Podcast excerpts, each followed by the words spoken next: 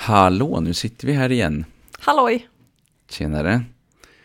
Vi ska prata om eh, det här med nyfikenhet och gemensam lösning av eh, svåra situationer. Ja, Problemlösning. precis. Ah. För förra gången så pratade vi om stress och problembeteenden. Mm. Och så pratade vi om hur vi vuxna har ett ansvar för att rigga situationen runt barnet för att möjliggöra för barnet att lyckas. Just. Eh, En annan del i problemlösningen det är ju när man faktiskt har barn som är på den nivån att man kan resonera och prata med dem. Så att då kan vi ju ägna oss mer åt en gemensam resonerande problemlösning. Och det är väl det vi tänker att vi ska prata om idag när vi liksom samtalar med barnen för att hitta gemensamma lösningar. Just det. Och jag tycker att det är lite intressant det där med, eh, med när vi tittar på, jag tänker att nyfikenheten är kanske vårt viktigaste redskap. Ja. Eller verktyg. Ja, Om vi tänker att vi själva vuxna är, är verktyget. Och det är nyfikenheten. För att eh, utan den, någon slags idé om att jag kanske inte har hela sanningen. Att jag måste vara nyfiken på vad är det som händer hos den andra. Det är liksom det som är essens, tänker jag, i lösningen. verkligen. Ja. Jag måste vilja veta den andres perspektiv och jag vill, måste också vilja förstå mitt eget. Ja, så att jag det. inte hamnar i, ja men så här är det, så här har man alltid gjort. Nej, Nej, precis. precis. Jag märker nu David när vi pratar att vi utgår, vi delar ju perspektiv. Mm. Så jag märker att vi utgår från någonting som vi har nämnt tidigare men inte har gjort än så länge här. Och det är just skillnaden mellan lydnad och samarbete. Mm, mm. För jag vet ju att både du och jag när vi pratar, vi har ju målet om samarbetsinriktade relationer. Ja, Där barnets och den vuxnes behov och känslor väger lika tungt. Eh, inte nödvändigtvis att de har lika mycket makt, men att de väger lika tungt. Och att vi ställer det i motsats till lydnad som handlar om att den vuxne ska få barnet att göra som den vuxne vill. Där krävs det inte så himla mycket nyfikenhet, eller hur? nej, det gör ju inte det. Nej. Och jag tänker att eh, också när man tittar på, på de här forskarna kring föräldrastil och, och så som har liksom verkat genom årens lopp så kan man se att vissa hade tydligt ställt upp det här med att lydnad var liksom målet. Men sen så, eh, som Baumrin till exempel, som pratade om det här med auktoritär och, och, och Mm. laissez-faire och sen auktoritativ. Eh, men senare tidsforskning såg att eh, det där höll inte som att man, det var en föräldrastil, utan att det var snarare så att det var kopplat till olika situationer. Till exempel, eh, ska man gå iväg på en tisdag morgon klockan 07.18 och alla är stressade, då blir man mer auktoritär av sig som förälder. Nej, nu sätter vi på skorna. Vi har liksom inte tid att hålla på och tjafsa. Eh, medans på eh, söndagen klockan eh, 10.38 när man ska till parken med barnen så är det annorlunda. Eh, så att det beror på situationen. Men i grund och botten så tänker jag att det handlar om hur ofta vi tänker till på vårt eget sätt. Och jag tänker att det är det som den här podden egentligen handlar om. Nämligen att vi ska tänka på vad är viktigt för oss människor i relation till våra barn. Mm. Eh, och att det här med det samarbetsinriktade autonomistödjande sättet, det vill säga att vi, att vi jobbar för att stötta upp barns eget beslutsfattande är någonting som är väldigt, väldigt väsentligt. Mm. Och då kräver det att vi är nyfikna. Ja, Eh, så att där kommer nyfikenheten in väldigt, väldigt som en viktig komponent. För utan nyfikenheten är det helt enkelt kört. Så exakt så. Mm. Och nyfikenheten är det ena där och det är det absolut viktigaste tänker jag. Men det andra är så här prestigelösheten. Mm. Att jag inte går in i en konflikthantering med mitt barn, ett samtal med mitt barn, eh, med för förståelsen att jag vet vilken lösning som är rätt här. Om jag gör det, om jag redan har bestämt mig för vilken som är den rätta lösningen och tror och vet att det bara är den enda möjliga, ja då är det kanske bättre att bara berätta det för barnet, att nu har jag bestämt att vi gör så här. Mm. Eh, och jag tycker inte att det är fel i alla lägen, men då behöver vi istället vara beredd att vara nyfiken på hur det blir för barnet. Ja, när vi det, gör så. precis. Vad Jag, behöver, jag kräver av mitt barn i vissa lägen att mitt barn ska acceptera mitt beslut. Och om jag kräver det, då tycker jag att det är rimligt att kräva av mig själv att jag accepterar vad barnet känner inför det beslutet. Och då får jag vara nyfiken på det istället. det. Liksom. Hur, nu har jag bestämt det här, hur blir det för dig? Eh, och att jag kan ta det. Liksom. Mm. Och också när jag går in i den gemensamma, det var det jag ville komma till egentligen, i samtalet om hur löser vi det här så det blir bra för båda. Vilket jag är tanken om vad vi ska ha med oss när vi går in. Hur gör vi så det blir bra för båda här? Då måste jag ju vara prestigelös. Då måste jag vara öppen för att jag har inte det enda svaret. Nej, för om jag det. inte är det, ja då kommer barnet känna det. Och barn hatar Verkligen. att känna att mamma har redan bestämt. Då blir ju hela den här dialogen ett skådespel. Det blir som en skendemokrati. Ja men precis, och framförallt det är vi nästan ännu mer känsliga för än att någon bara bestämmer. Ja. Det är att, att man drar in någon i en process där vi, där vi utger oss för att vara demokratiska när vi egentligen inte är det. Nej. För då blir vi falska och det är ju värre än att vara auktoritära i princip. Absolut, om du nu ska bestämma så får du väl åtminstone vara Jag öppen med att det är det du gör. det. Ja, men precis. Mm. Och det kan min dotter, hon drar av med brallorna här med jämna mellanrum och säger mamma, varför frågar du mig när du redan bestämt dig? och det är så här, ja, varför gör jag det? Ja, eller hur? Ja. Man hamnar där ändå. eh, eh, Hur man, ja, precis, man hamnar där ändå. Jag tänker att um, om vi går tillbaka till små tecken på att saker och ting inte är så bra och, och hur vi ska tänka kring det. Jag har en sak som jag har eh, återkommit till genom årens lopp och det är när vi ska lära oss saker och ting. Då ska vi ju göra mycket av det vi redan kan och så lite nytt. Mm. För om vi bara gör sånt vi kan, då blir det ju ingen utveckling. Så det måste ju till det där lilla, lilla extra. Eh, gamla pedagogforskaren Vygotsky kallar det proximala utvecklingszonen. Ja.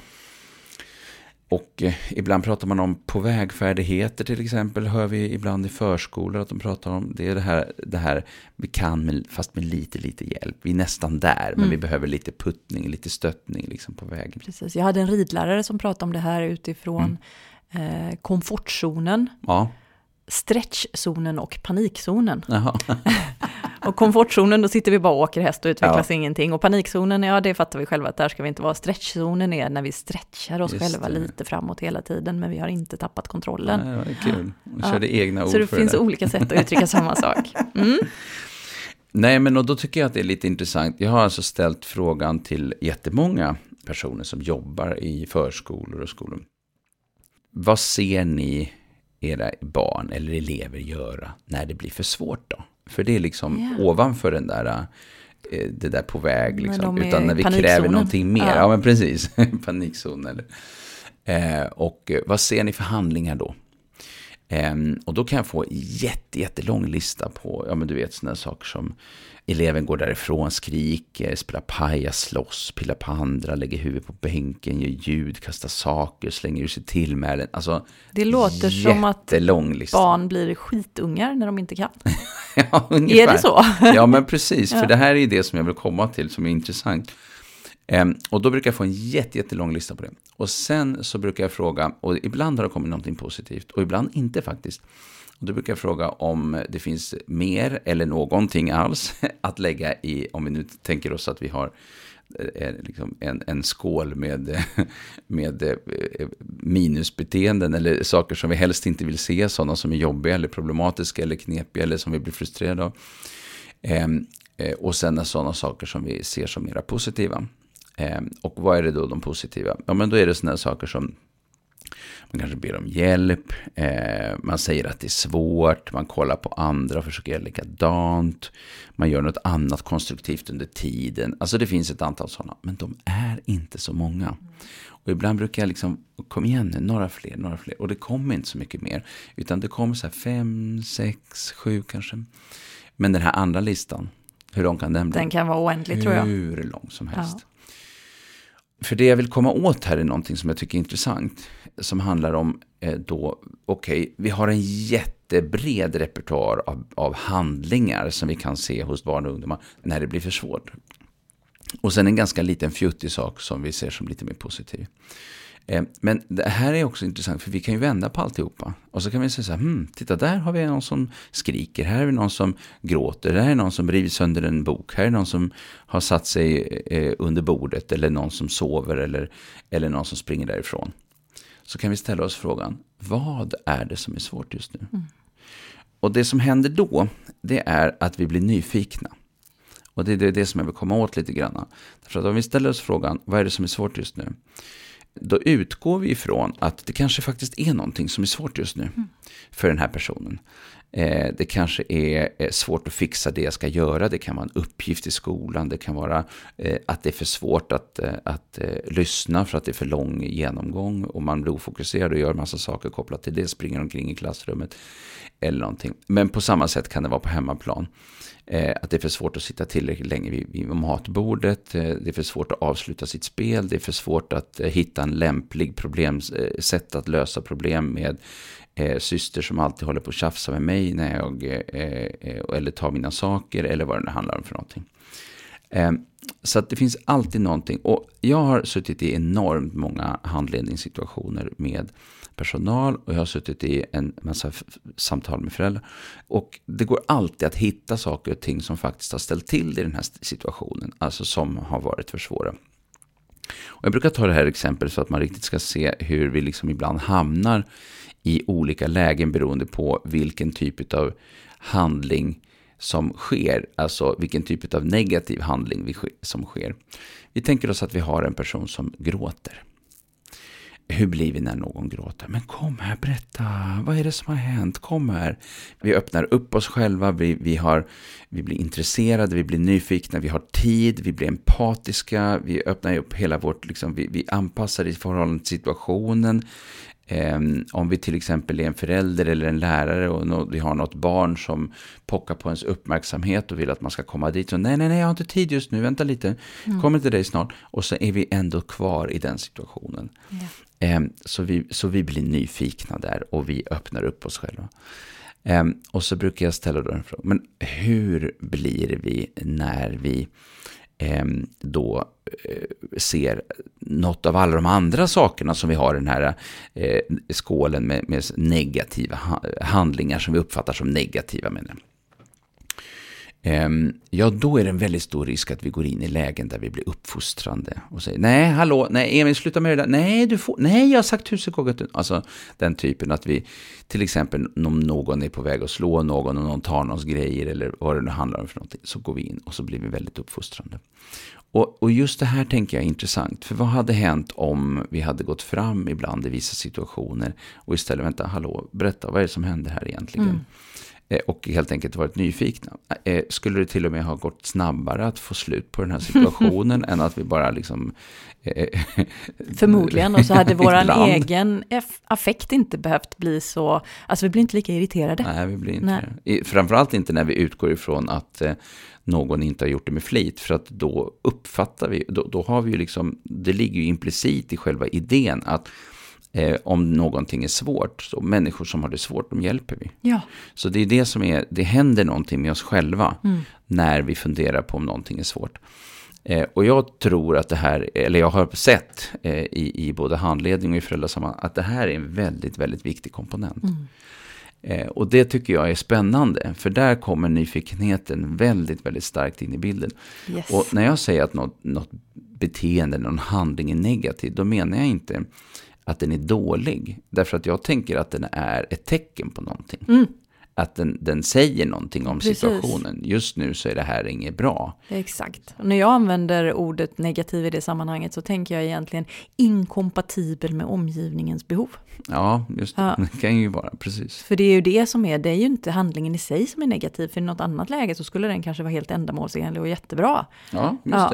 det. Utan det är ju huruvida den i stunden funkar med omgivningens behov eller inte som avgör ja. om vi uppfattar det som negativt just eller det. inte. Och det är ju egentligen alltid så att det är vår egen uppfattning uppfattning. Ja. När vi värdesätt, värdeladdar olika typer av handlingar mm. eh, så är det ju kopplat till vår egen bild av det. Eh, men det betyder ju inte att handlingen är sån i sig. Nej. Nej. Jag har varit på en del skolor där jag har märkt att eh, inte heller barnen som är ledsna och gråter, inte heller barnen som ber om hjälp, mm.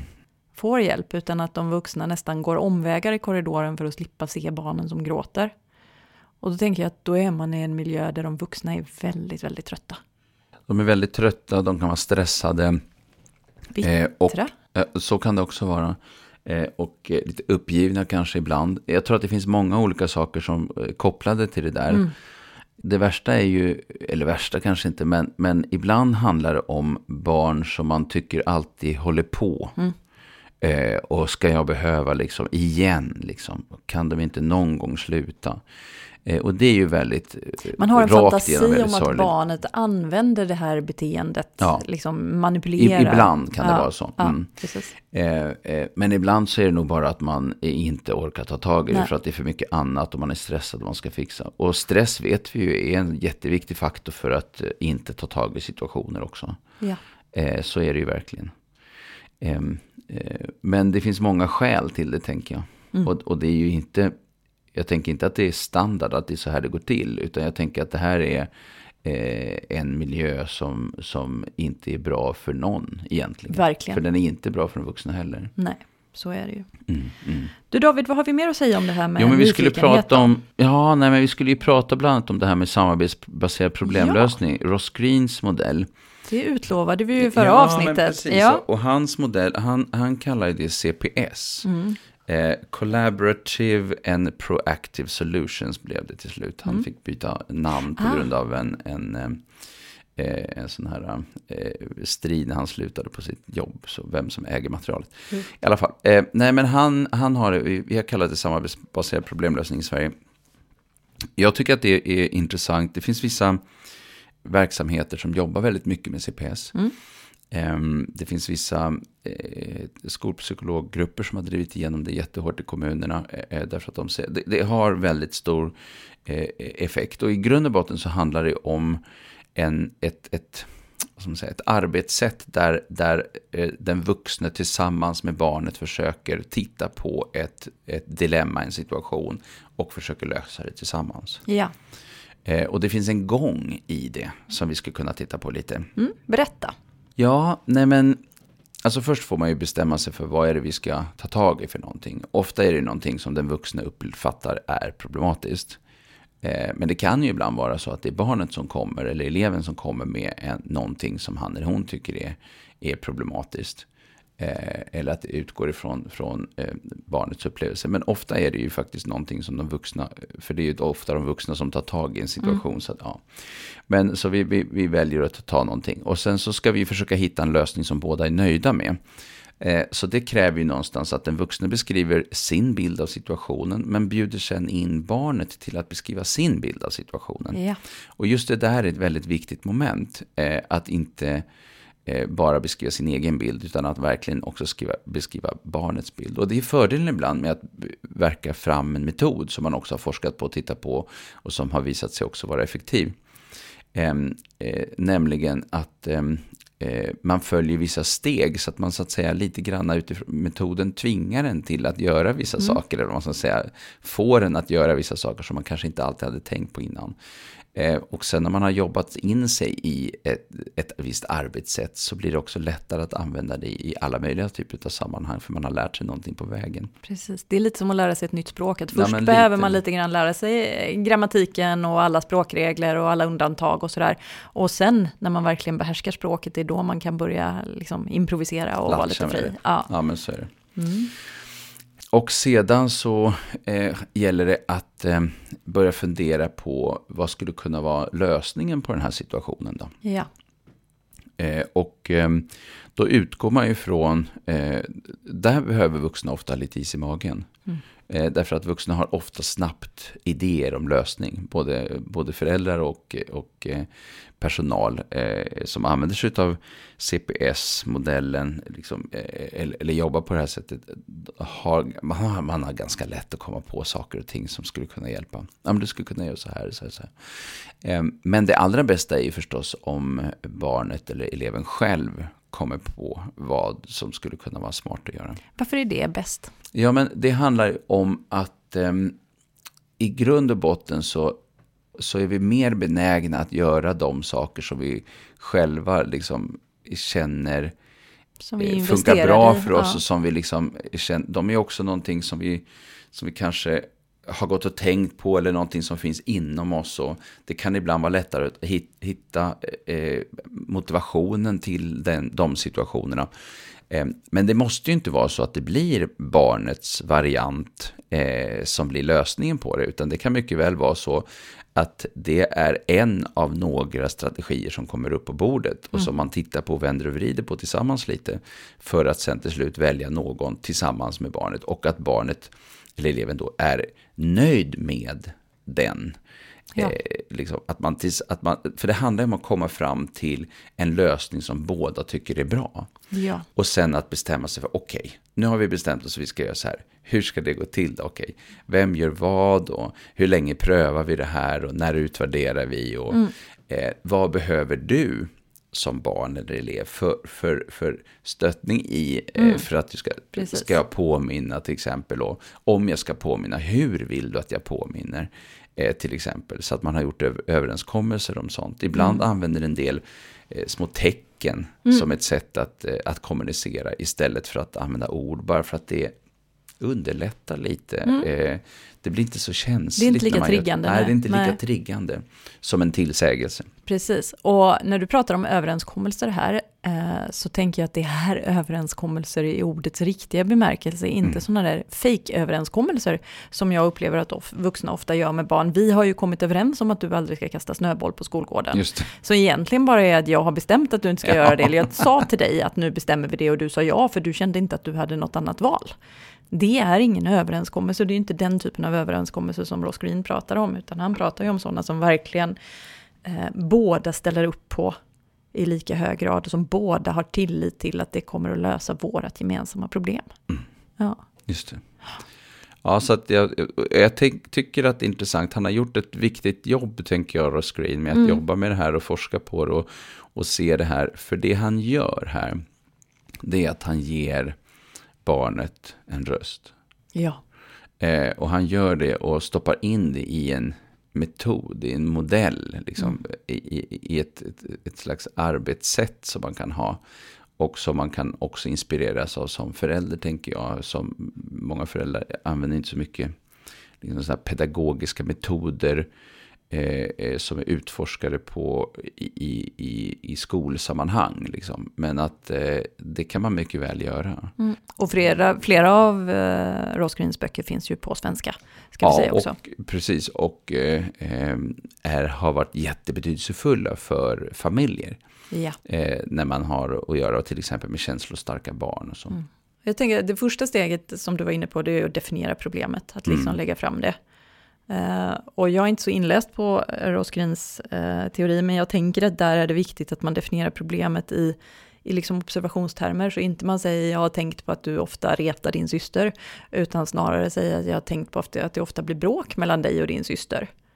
Eh, och jag har märkt att det ofta är eh, i samband med att ni ska gå och lägga er. Just. Ber- berätta för mig, Ja, och jag tror att han har uttrycket WhatsApp.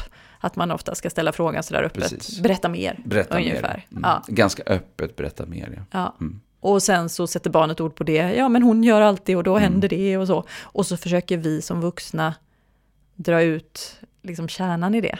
Ah, så när hon gör så så känner du så här och det är det här som är viktigt för dig. Har jag fattat dig rätt? Liksom så. ja. Och sen så berättar jag varför det här är ett problem för mig. Mm. Och sen så försöker vi hitta en lösning på det i sista steget som funkar för oss båda. Du, något annat jag har tänkt på med, med Ross Green som jag tänker att vi kanske ska nämna här också, det är hans eh, system med att sortera i olika korgar. ja. Han pratar om korg A, korg B och korg C. Mhm. Just det. Eh, och det bygger ju på det som vi pratade om inledningsvis, det här att vissa grejer, där vill vi bara att barnen ska lyda. Det är inte öppet för diskussion huruvida du ska borsta tänderna eller inte. Nej. Och då är det sånt som vi lägger i korg A. Och så ordnar vi miljön runt omkring så mycket som möjligt för att det ska vara så lätt som möjligt. Mm. Du får inte springa ut i gatan. Nej, och då ser vi till att vi inte befinner oss i den miljön där barnet kan springa ut i gatan hur som helst. Eh, då håller jag i handen och, och ser till att barnet går på insidan av mig. Och liksom så här. Det här är inte situationer som är öppna för diskussion helt enkelt. Och korg C, det är sådana som eh, Som vi bara kan släppa. Ja, vi kan inte, ibland säger man välj dina krig, jag har jättesvårt för den metaforen, Ja. för jag tycker inte att krig passar i, i familjeliv eller relationer överhuvudtaget. Men man får välja vilka frågor man behöv, vill ta tag i just nu, för vi kan inte ta tag i allt. Nej. För då blir det övermäktigt både för barnet och oss som vuxna. Vissa saker måste vi Så släppa. att i korg C lägger vi sånt som just nu inte är prioriterat. Ja. Ja. Och sen i korg B, där lägger vi Där. sånt som vi är öppna för att prata med barnet om, där vi vill ha till en gemensam fungerande problemlösning. Sånt vi ska ta tag i. Ja. Sånt vi vill ta tag i. Exakt. Mm. Och i grund och botten säger han också att eh, korg A, där hamnar allt det här, de här far, just de här farliga mm. sakerna. Men inte Liv bara, och hälsa. Ja, och eh, det är ju självklart förstås allt sånt där som är kopplat till eh, springa ut i gatan och, och sådana saker. Men eh, ibland sätter folk in handlingar eller beteenden i korg A när, när man, jag har gjort det här med, med personal, att de får liksom skriva ner massa problemskapande beteenden och sen sortera upp dem om de tycker att det är A, B eller C. Ehm, och det som kan hända då, det är att folk tycker olika. Så att det som ibland finns det saker som finns i C-korgen hos någon som finns i A-korgen hos någon annan. Mm. Åh, oh, vad intressant och ja, nyttigt att få koll på det. ja, eh, och att det kan diffa lite och någonting kan vara A, B och någonting kan vara B, C och sådär. Alltså att man, att man är lite svårt, men, men att man snabbt får syn på att vi tycker nog lite olika här. Mm.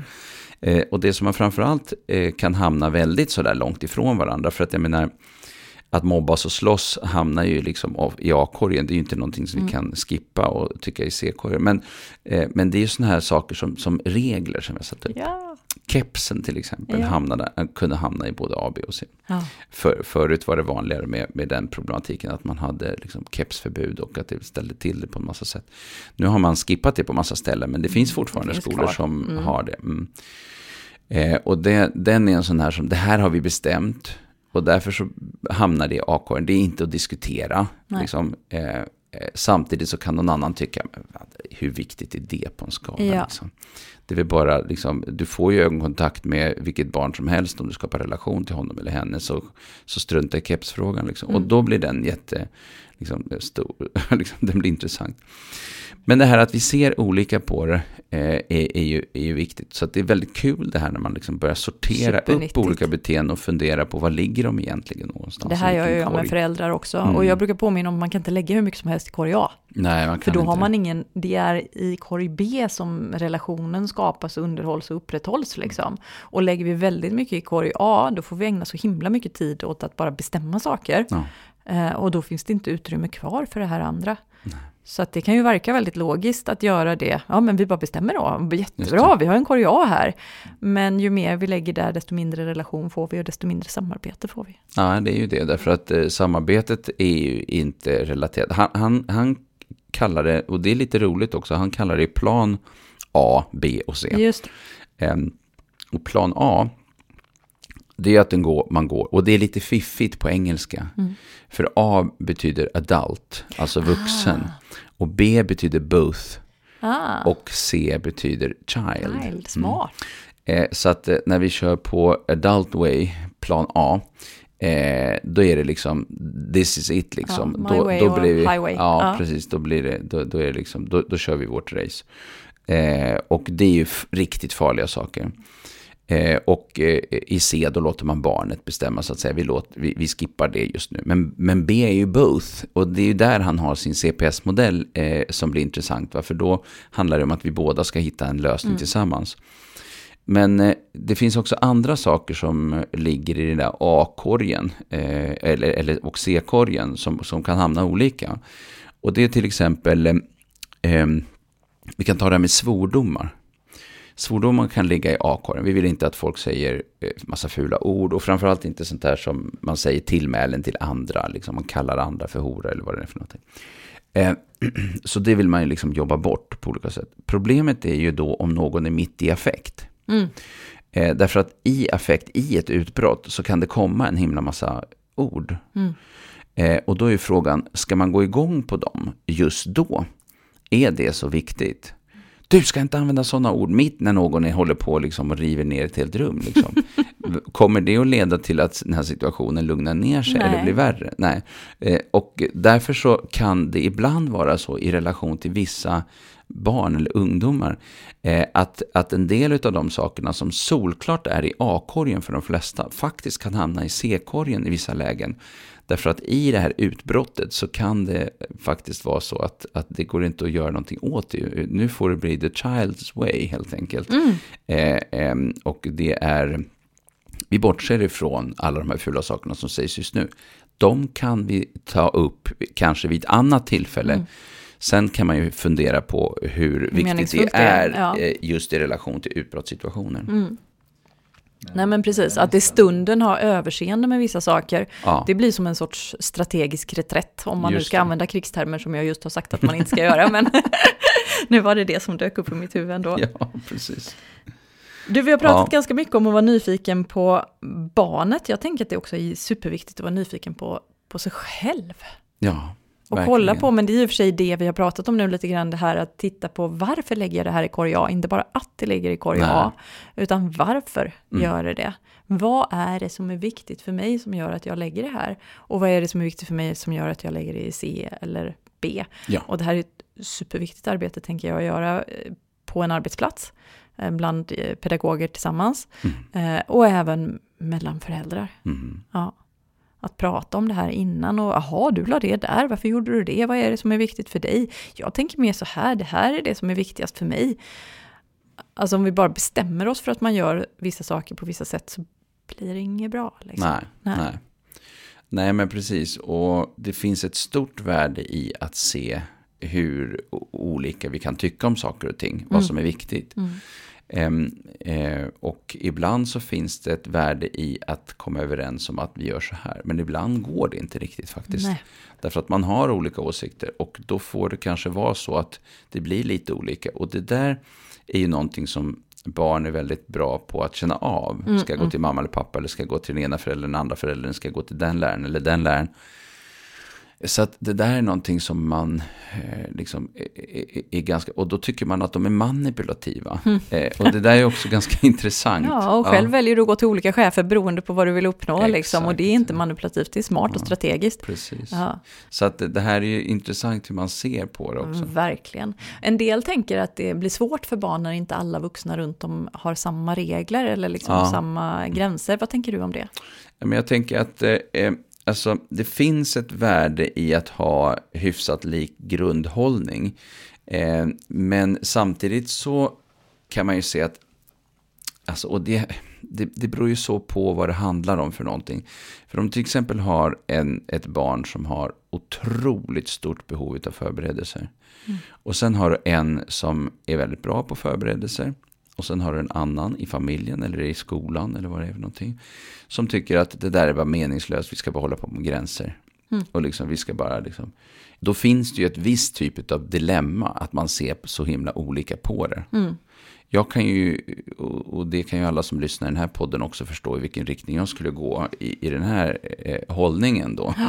Men den här typen av rörelse har vi i, i oss människor, det här att vi rör oss i riktning mot, mot liksom, eh, den här typen av förståelse för de bakomliggande orsakerna, det här med att röra sig i riktning mot autonomi, eller det här med att vi ska gränssätta, vi ska tydliggöra och, och, och så. Eh, Så att det, det, i många verksamheter kan det finnas ett värde i att man har eh, hyfsat lika. Men det finns också ett stort problem om det man har bestämt då som lika är någonting som inte är effektivt. Ah, Då är det ju eh, bättre att det finns olika. För då är det ju bättre att det finns någon som eh, jag kan gå till med min otrygghet och rädsla och empati och någon som lyssnar jämfört med att jag inte kan gå till någon alls. Så att, eh, lite beror det på var man landar också, tänker jag. Och sen tänker jag, om man går till föräldraskapet, så eh, alltså när båda föräldrarna är hemma, då behöver man kanske på något sätt försöka hitta, enas om, om vi, hur vi gör nu så det blir bra för alla. Men det blir svårt för mig, som mamma i det här fallet, att bestämma, att upprätthålla min mans gränser om han inte ens befinner sig i rummet. Eh, för om jag inte riktigt ställer upp på dem, då blir det jättes, då blir jag falsk.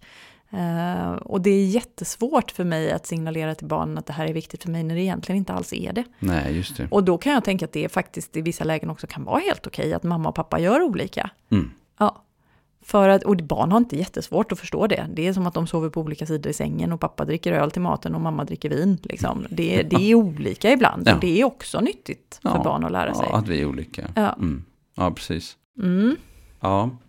Nej. Ehm, Du, ska vi försöka runda av det här, eller vad Ja. säger du? mm, Vad vill vi skicka med som slutord här? ja. Ehm, nej, men jag tänker att eh, vi kommer tillbaka till det där med att det vi ser, eh, att det finns någonting mer Ja. än det vi ser. Vi, vi har tidigare eh, pratat om det här med, eh, med ehm, eh, den här isbergsmodellen. Just det, att det gjorde vi i förra Ja, avsnittet. Ja. att vi ser vissa saker men vi ser inte eh, allting som ligger bakom och under. Och, och, jag tänker att det där är någonting som eh, vi måste kika mer på. Eh, att ha förståelse för att det finns någonting som är bakom det där. Det kan handla om behov, det kan handla om eh, att det faktiskt är svårt med vissa situationer och att vi därför måste vara nyfikna. Jag tänker att det är liksom basen och det kanske är svårt att förstå sig på vad som ligger bakom. Mm. Eh, därför att eh, man inte har kunskaper eller inte. Liksom. Och där tänker jag att man kan behöva också läsa på Mm. eh, kring barn. Vad, hur ska vi förstå eh, det som händer? Hur ska vi tänka kring det? Absolut. Ja. Och, men ändå, och även om jag inte förstår, Mm. Så att bara att förstå att det finns något jag inte förstår. Ja, och, och, och att vi då eh, drar med eh, barnet eller ungdomen Ja. i en dialog Precis. kring hur blir det här för dig? Vad är det som händer? Exakt. Mm. Alltså vi börjar nyfikenheten och vi slutar i Ja, nyfikenheten. men det är väl bra. Ja, det blir väl bra. Ja. Tack för idag. Tack för idag. Hej.